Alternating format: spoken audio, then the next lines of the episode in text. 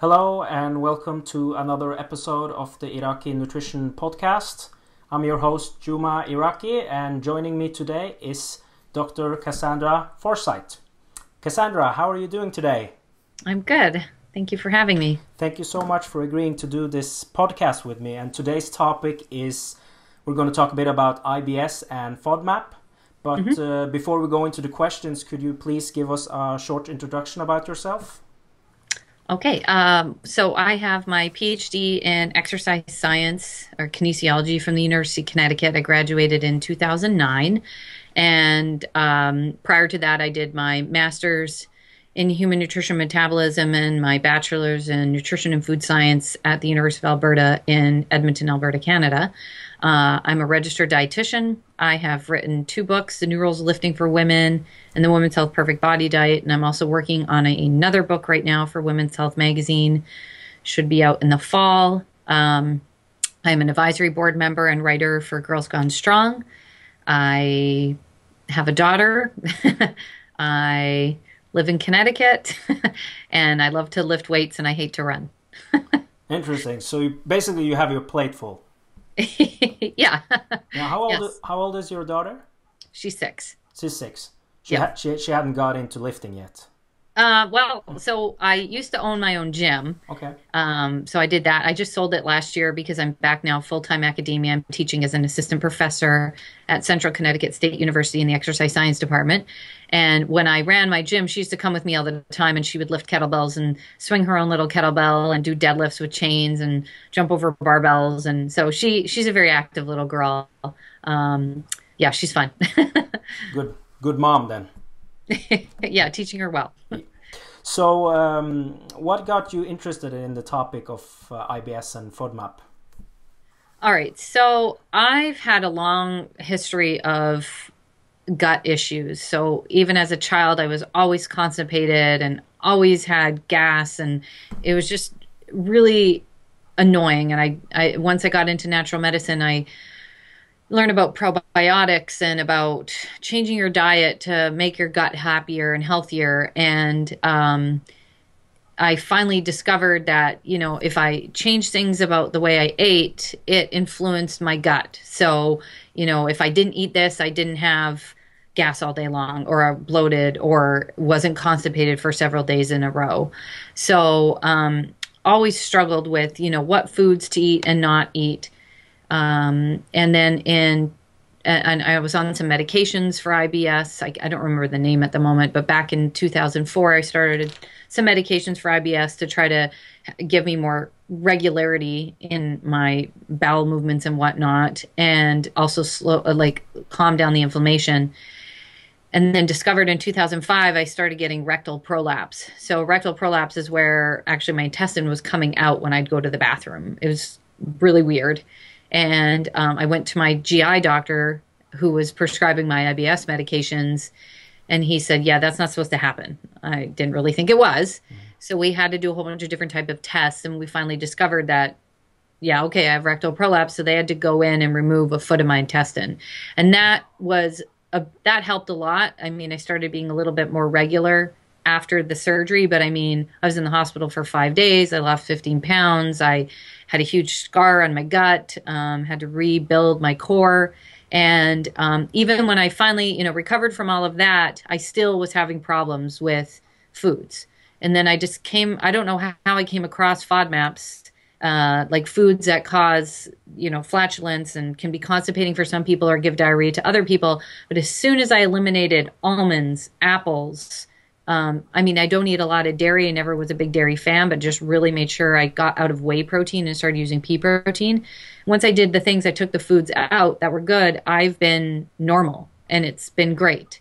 Um, and I've really, uh, you know, sort of gone through that as a very long journey because I've been to so many doctors and they're like, oh, just take a probiotic or here's take a digestive enzyme or take some hydrochloric acid. And none of that ever helped until the food was this part that solved it all.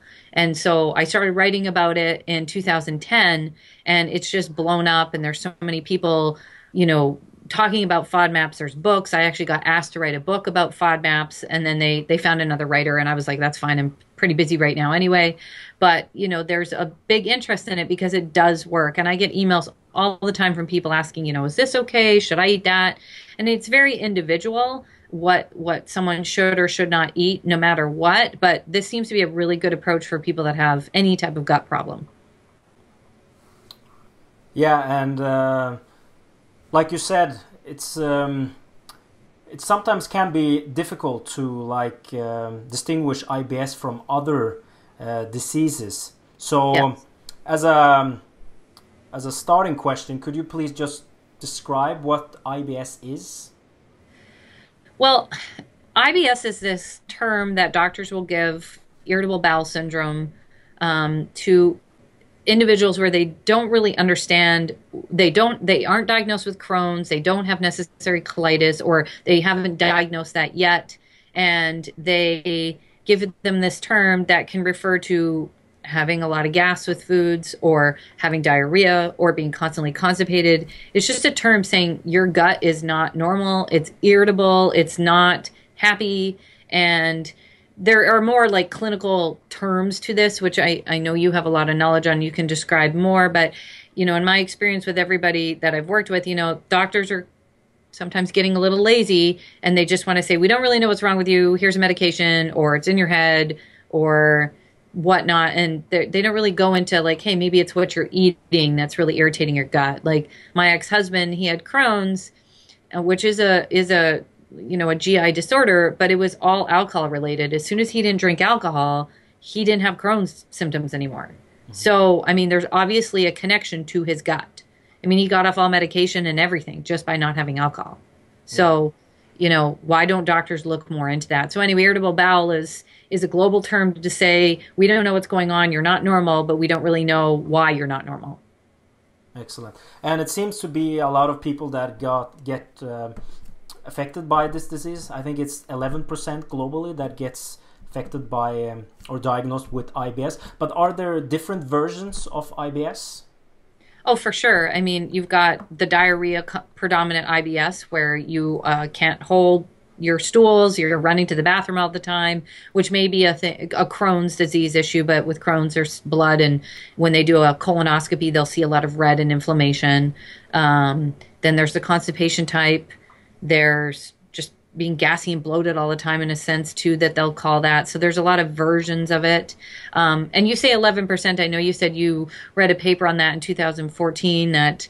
Um, you know, stated 11%, but I'd say it even it's more people than that. I mean, there's a lot of people that suffer from gut issues based on the amount of people that reach out to me via email saying, you know, what has helped your gut? You know, does this work? Does that not work? I mean, it seems to be a lot more prevalent or it's not being diagnosed. It's just people are unsure of what's going on with them.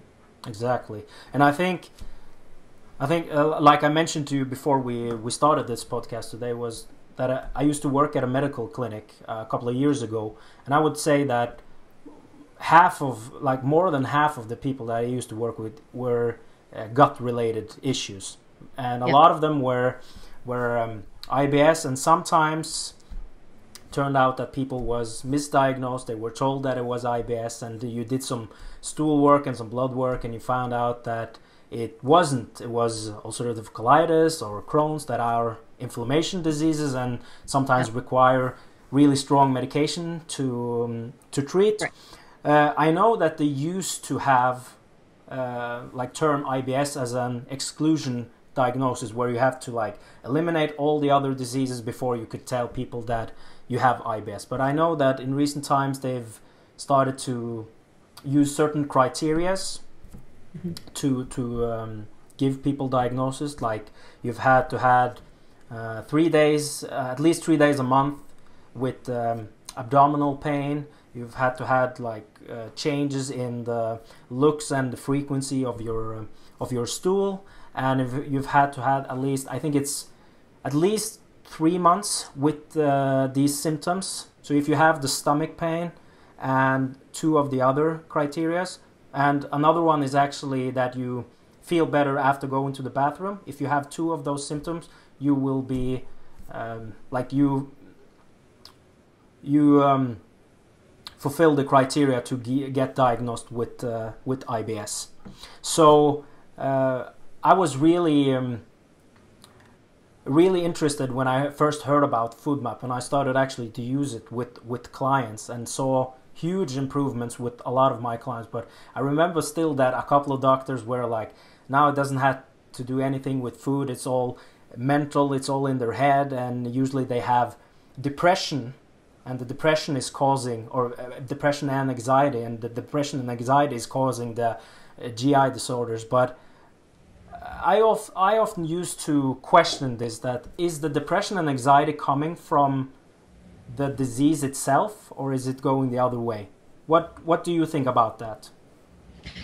Um, well i mean i i have depression in my life and um, i wouldn't necessarily say that that for me has ever been related to my gut. Um, i mean definitely so if you have an anxiety disorder, I mean, it can cause, you know, you're contracting through your whole body. So you could have diarrhea.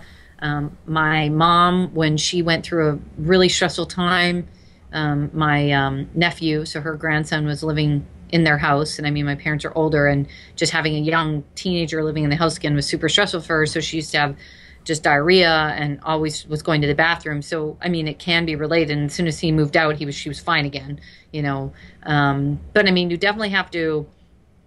You, you can't just assume you know what all it is. It, it is. I mean, people. There's that's why you have colonoscopies. You can look in and see if there's inflammation and um, if that's a problem. I mean, she kept thinking she had colon cancer, and that was the issue, but mm. she's also a little bit of hypochondriac. Mm. so, um, but yeah, definitely. I mean, it can be short term, but if it's long term, I mean, people don't have anxiety and depression every single day all the time. It usually goes in waves. Yeah. Um, so, you know, that's not always the answer either. No. So, um, I mean, it, it can be, but it's probably not the only reason. And a diet does seem to play the biggest factor in your gut. I mean, you're putting food in there. It, you know, what you're eating is going to influence what's going to happen down there. Yeah. Um, so it it, uh, it is it is a little individual, but probably not only just depression, anxiety. Yeah, I totally I totally agree, and um, because I, I used to remember when talking to a lot of the people that I had as clients that used to have IBS, is that they used to tell me that the doctors used to tell them that it was caused by the depression and anxiety because those diseases can sometimes give symptoms from from the GI system. But what I what I experienced was that a lot of them used to actually have depression and anxiety coming from the disease itself, like coming from the IBS itself. Right. One of yeah. the things that they used to have anxiety about was that they would go to a place and they would have to use the bathroom and there wasn't right. a bathroom there. So that caused the anxiety and it was yeah. like this vicious cycle that kept going and on and on and yeah so that right. seems to also worsen the symptoms but right. let's get into um, FODMAP because there's really good data on it that really yep. shows that uh, it worked could you explain what uh, FODMAP is so what they are is they're fermentable carbohydrates, um, and it stands for fructans, oligosaccharides, disaccharides, monos, and polyols. And those carbohydrate chains that are like in high amounts in certain foods are fermentable, and so they'll irritate. Well, they'll feed the gut bacteria, um, the bacteria that tend to cause um, uh, like methane gas or um, um, uh, short chain fatty acids that are irritating to the gut and they will cause someone to have either diarrhea or slow down the gut motility and cause them to have constipation and then usually flatulence with that at the same time. And um, examples of those are apples almonds cashews cauliflower onions. Onions are huge. Beans, of course. I mean, because they've got the fructans in them. Um, dairy, wheat for some people. Interestingly, wheat doesn't bother me, but everyone also is a little different with all of it. Um, but there tends to be very common foods for most people. Like, you know, I would always say an apple a day would keep the doctor away, but only because you're so gassy. And apples tend to be a really big one. Mm-hmm.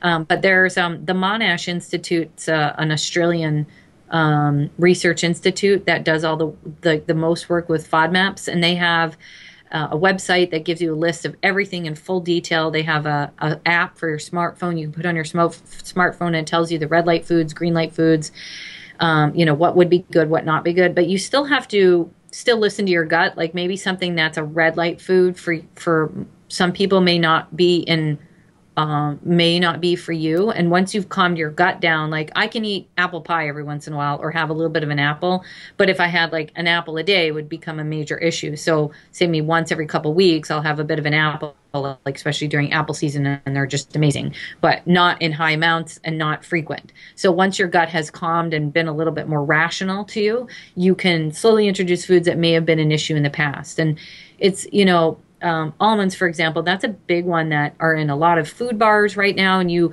have to really read labels carefully and see um, if it's in there. Other things that are in uh, common products like ital sugars, mannitol, sorbitol, all the alcohol sugars, those tend to be very irritating to the gut too, and they're in like any protein bar or, or sometimes in um, protein powders and um, meal replacement shakes. So you'll tend to get those in there. And also thickeners like carrageenan and xanthan gums. Those tend to be irritating to the gut as well mm-hmm. and fermentable. So you have to be careful. You have to really read labels and you have to really pay attention to what's going on. And then you, it just becomes a habit. Like for me, I just know like what works and what doesn't work.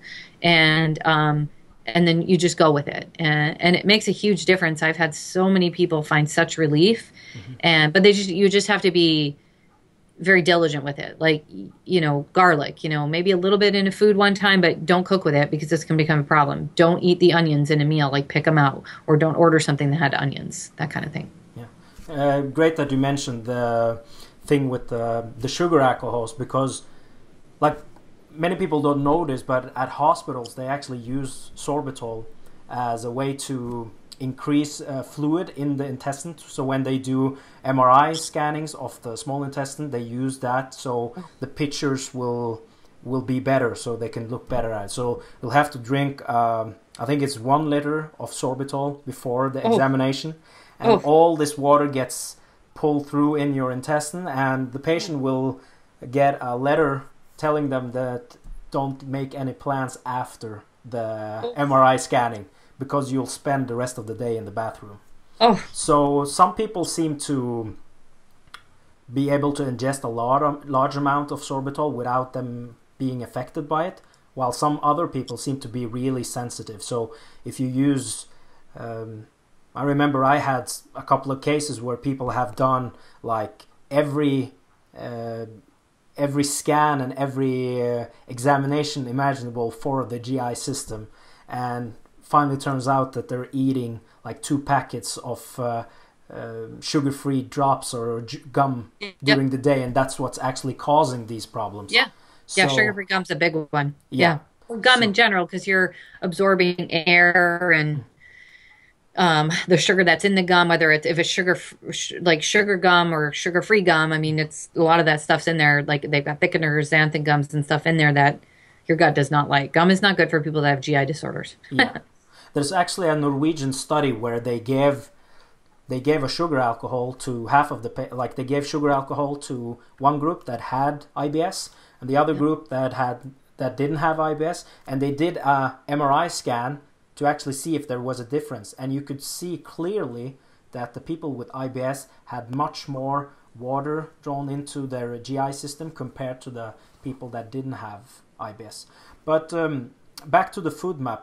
Um, do you feel that there's a dose response when it comes to FODMAP? Like you can, because a lot of people when they read about FODMAP, they'll see this list of these are red red flagged foods and these are okay to eat but yep. uh, is there like is there for example that you can eat a couple of the FODMAPs on the red list during the day, but if you go overboard, you'll then have the symptoms, or how do you go about it? Well, if you're very inflamed and starting out, you need to be super strict and avoid all of it at mm-hmm. first. And then you can slowly introduce a little bit every other day or something to find out what your reaction is to that mm-hmm. and give it 48 hours because sometimes if you have slow gut motility, you may not notice it right away. So it's just, it's kind of like an elim- any type of elimination diet where you take, you get really strict, you take everything out, and then you slowly go, okay, I'm going to try almonds today. Is that an issue or not really an issue? Give it 48 hours. Okay that wasn't bad. Maybe every other day I can have almonds or whatnot. Um, for me, like I said, wheat. Wheat's not a problem for me. So I don't eat a lot of wheat. I mean, I don't eat a lot of bread or pasta or anything like that. But um, uh, if I do have it, I don't have major issues per se.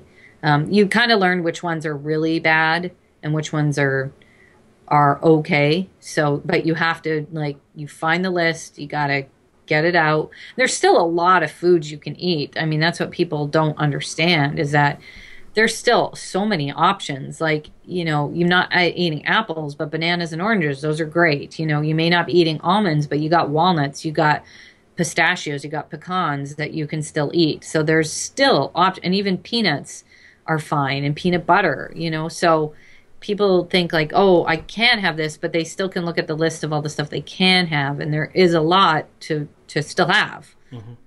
Yeah, exactly. I think also one of the the misconceptions when it comes to FODMAP is the elimination of gluten, because yeah. a lot of a lot of the high food uh, high FODMAP foods are um, do contain gluten, but gluten doesn't actually seem to be the real issue because you well, still can. It's not a carb. Yeah, exactly. Right. So. Um, so you because you can still eat spelt bread, and yep. spelt does have gluten, and there's there's uh, some research on this as well where they're actually tested. They've they controlled for the high FODMAP foods, uh, right. eliminated those and kept the gluten in, and still the patients were fine. So it clearly showed right. that the the gluten wasn't the issue, but it was more re- related to to the high FODMAP uh, high FODMAP foods. Right. So yeah. so could you just guide us through how you would um, work with the with the client that has IBS from from the beginning, and how you would start the eliminating phase and then the including including the foods back in as soon as they improve? I, it, it's a huge education piece. Mm. It, it's so a lot of people know about nutrition.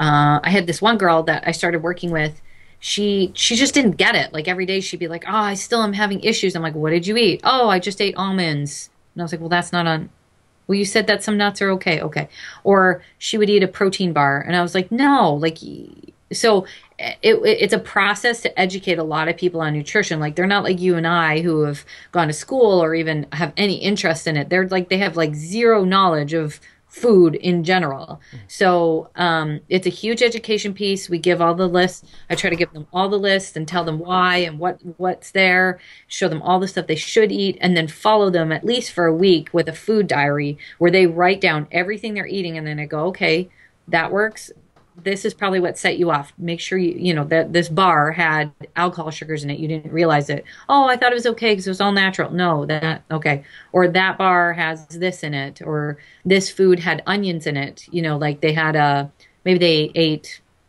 some sort of soup and it had an onion base that could be throwing you off. So trying to educate them so taking time but being patient because like i said they didn't go to school like you and i did. They don't have an interest in it so they don't even understand what a protein is and a carbohydrate is in general which is also slightly scary. Like i my one client she said oh i oatmeal for breakfast you know that has protein in it. And i was like no not really. Mm. not at all. So um, yeah just taking some time and just educating. It's a huge educational piece until it becomes a habit for them. And then you know getting them to get that smartphone app can help them see more more um, information you know or follow along on their computer that kind of thing. Yeah excellent. And i think also the thing that people really find frustrating when they when they are eating certain foods is that a lot of the FODMAP foods actually are termed healthy. Like for example, you talked about the apple because some yeah. of the recommendations you get sometime if you have GI problem is just oh you need to eat healthy. You just need to eat more fiber, for example. And right. a lot of the food that they start oh, eating yeah. are high FODMAP foods. So yeah, fibers. Yeah. Yeah. So um, what I experience sometimes with clients is that it's hard for them to define what's causing the issues because sometimes they'll eat something for lunch and then if it has high FODMAPs high FODMAP in it they'll eat something for dinner later and then they'll get the symptoms and right. they're like i don't understand this is supposed to be something safe but it's maybe something yep. you ate early in the day right like that's why i said 48 hours of mm-hmm. assessment mm-hmm. and then look what happened in the last 48 hours or once you've eliminated everything because mm-hmm. it takes some time to show up mm-hmm. exactly yeah so are there any um, are there any supplements that might be beneficial for for uh, IBS? Yeah, so I mean, there's digestive enzymes out there, which I personally never had any benefit of digestive enzymes because if I'm still eating the foods that were irritating, it didn't matter what those digestive enzymes did. Mm-hmm. Um, you know, um, dairy is an issue, but it's summer and we all like to eat a little bit of ice cream. So maybe the Lactaid, where you get the lactase enzyme, um, that enzyme maybe can help be a little helpful if you have just a little bit of dairy, I guess. Um, you know, so I like when my, I take my daughter for ice cream, and of course I have to have a little. Yeah. I mean, that's has to happen. So I just have the Lactaid with me, and that seems to help a lot.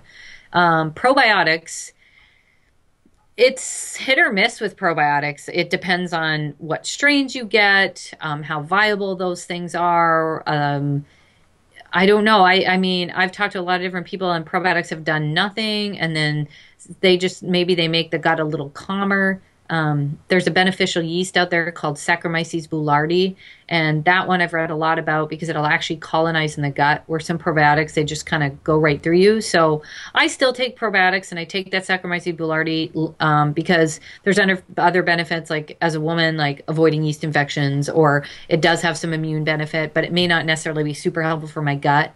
Um, there's betaine HCl, hydrochloric acid, which some people say helps with digestion, um, you know, because we have low stomach acid because of the foods we eat. Um, if my gut's irritated, I'll have some of that. I think a big one for IBS, which is really helpful, is actually activated charcoal.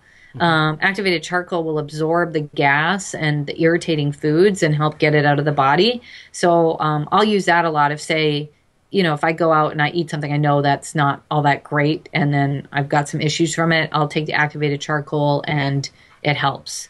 Um, uh, there's other gut supplements like that have glutamine in them and marshmallow and these like kind of herbs um, that like certain companies put together that I've tried in the past, never really helped too much. Again, the biggest thing is really the diet. Like if you're eating stuff that's irritating, no supplement seems to really help too much. I mean, you can maybe suck up the gas with the charcoal or, you know, absorb some of the water so you don't have diarrhea with the charcoal, but you're not you're not really solving the problem. You're just kind of maybe masking a little bit of the symptoms sometimes. Yeah, exactly. And I think that's really important to mention that because a lot of people they start to have symptoms from their GI system and they just go out and buy a probiotic or they buy a supplement that's supposed to help them. But if you don't really dig into it and really find the cause of the symptoms, it's not really gonna help that much.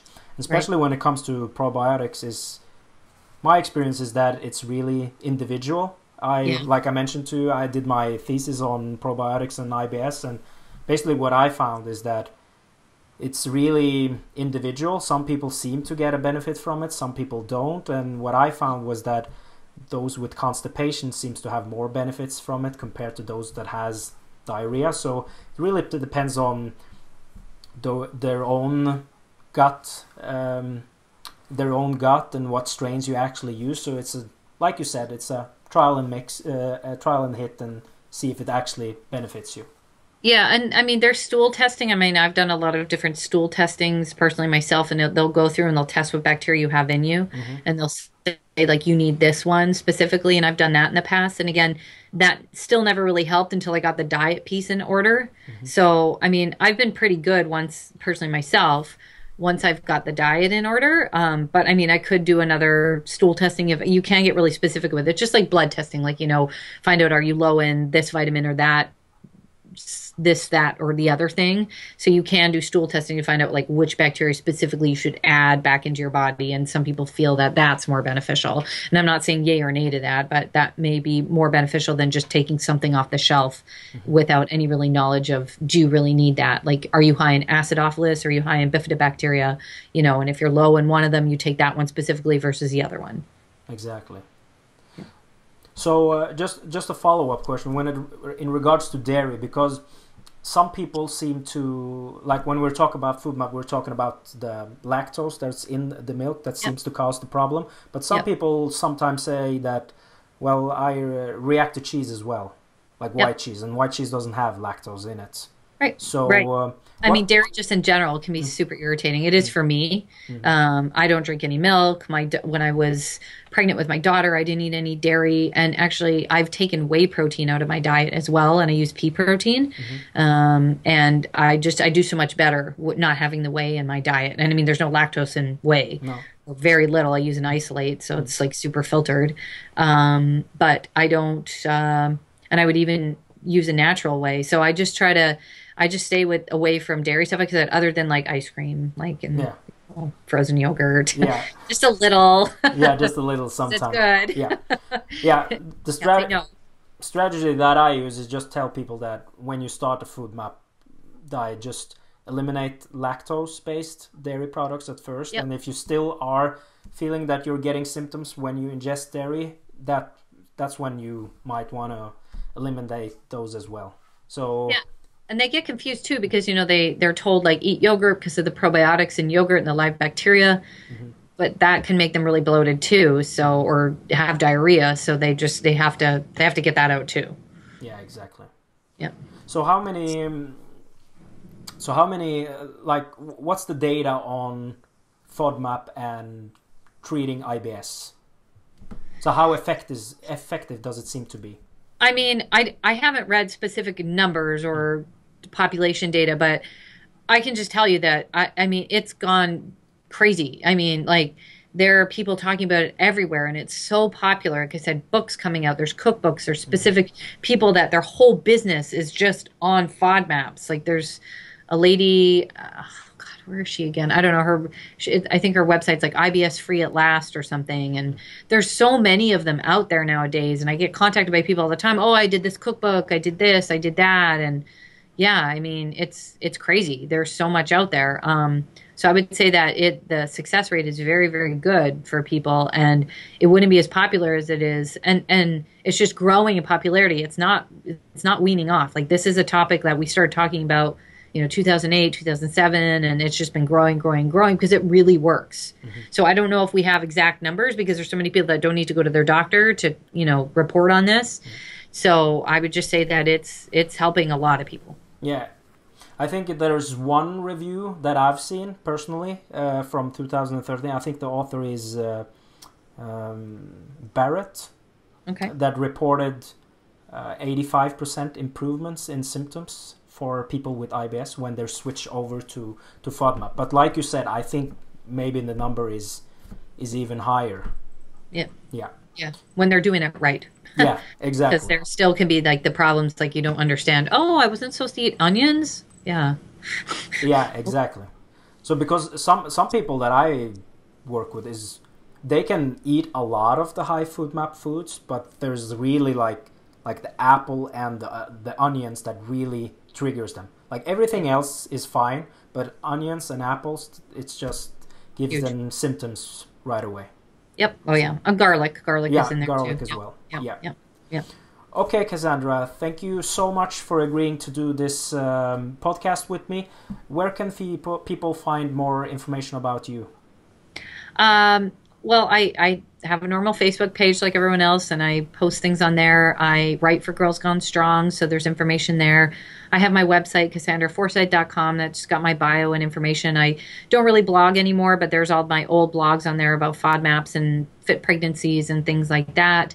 I'm on different podcasts, and I've got the books out there that I've written. So, and I'm always accessible. You can contact me through my website on email if you need to reach out and ask any questions, and I answer pretty much everyone who sends me an email. So, you know, I'm available. Great. Okay, that, guys, that was all for this episode. Um, this this podcast will be available on my YouTube channel, but you can also listen to it in audio format on iTunes if you prefer that. So, Cassandra, once again, thank you so much for doing this podcast and uh, have a really nice day. Thank you. Bye bye. Bye.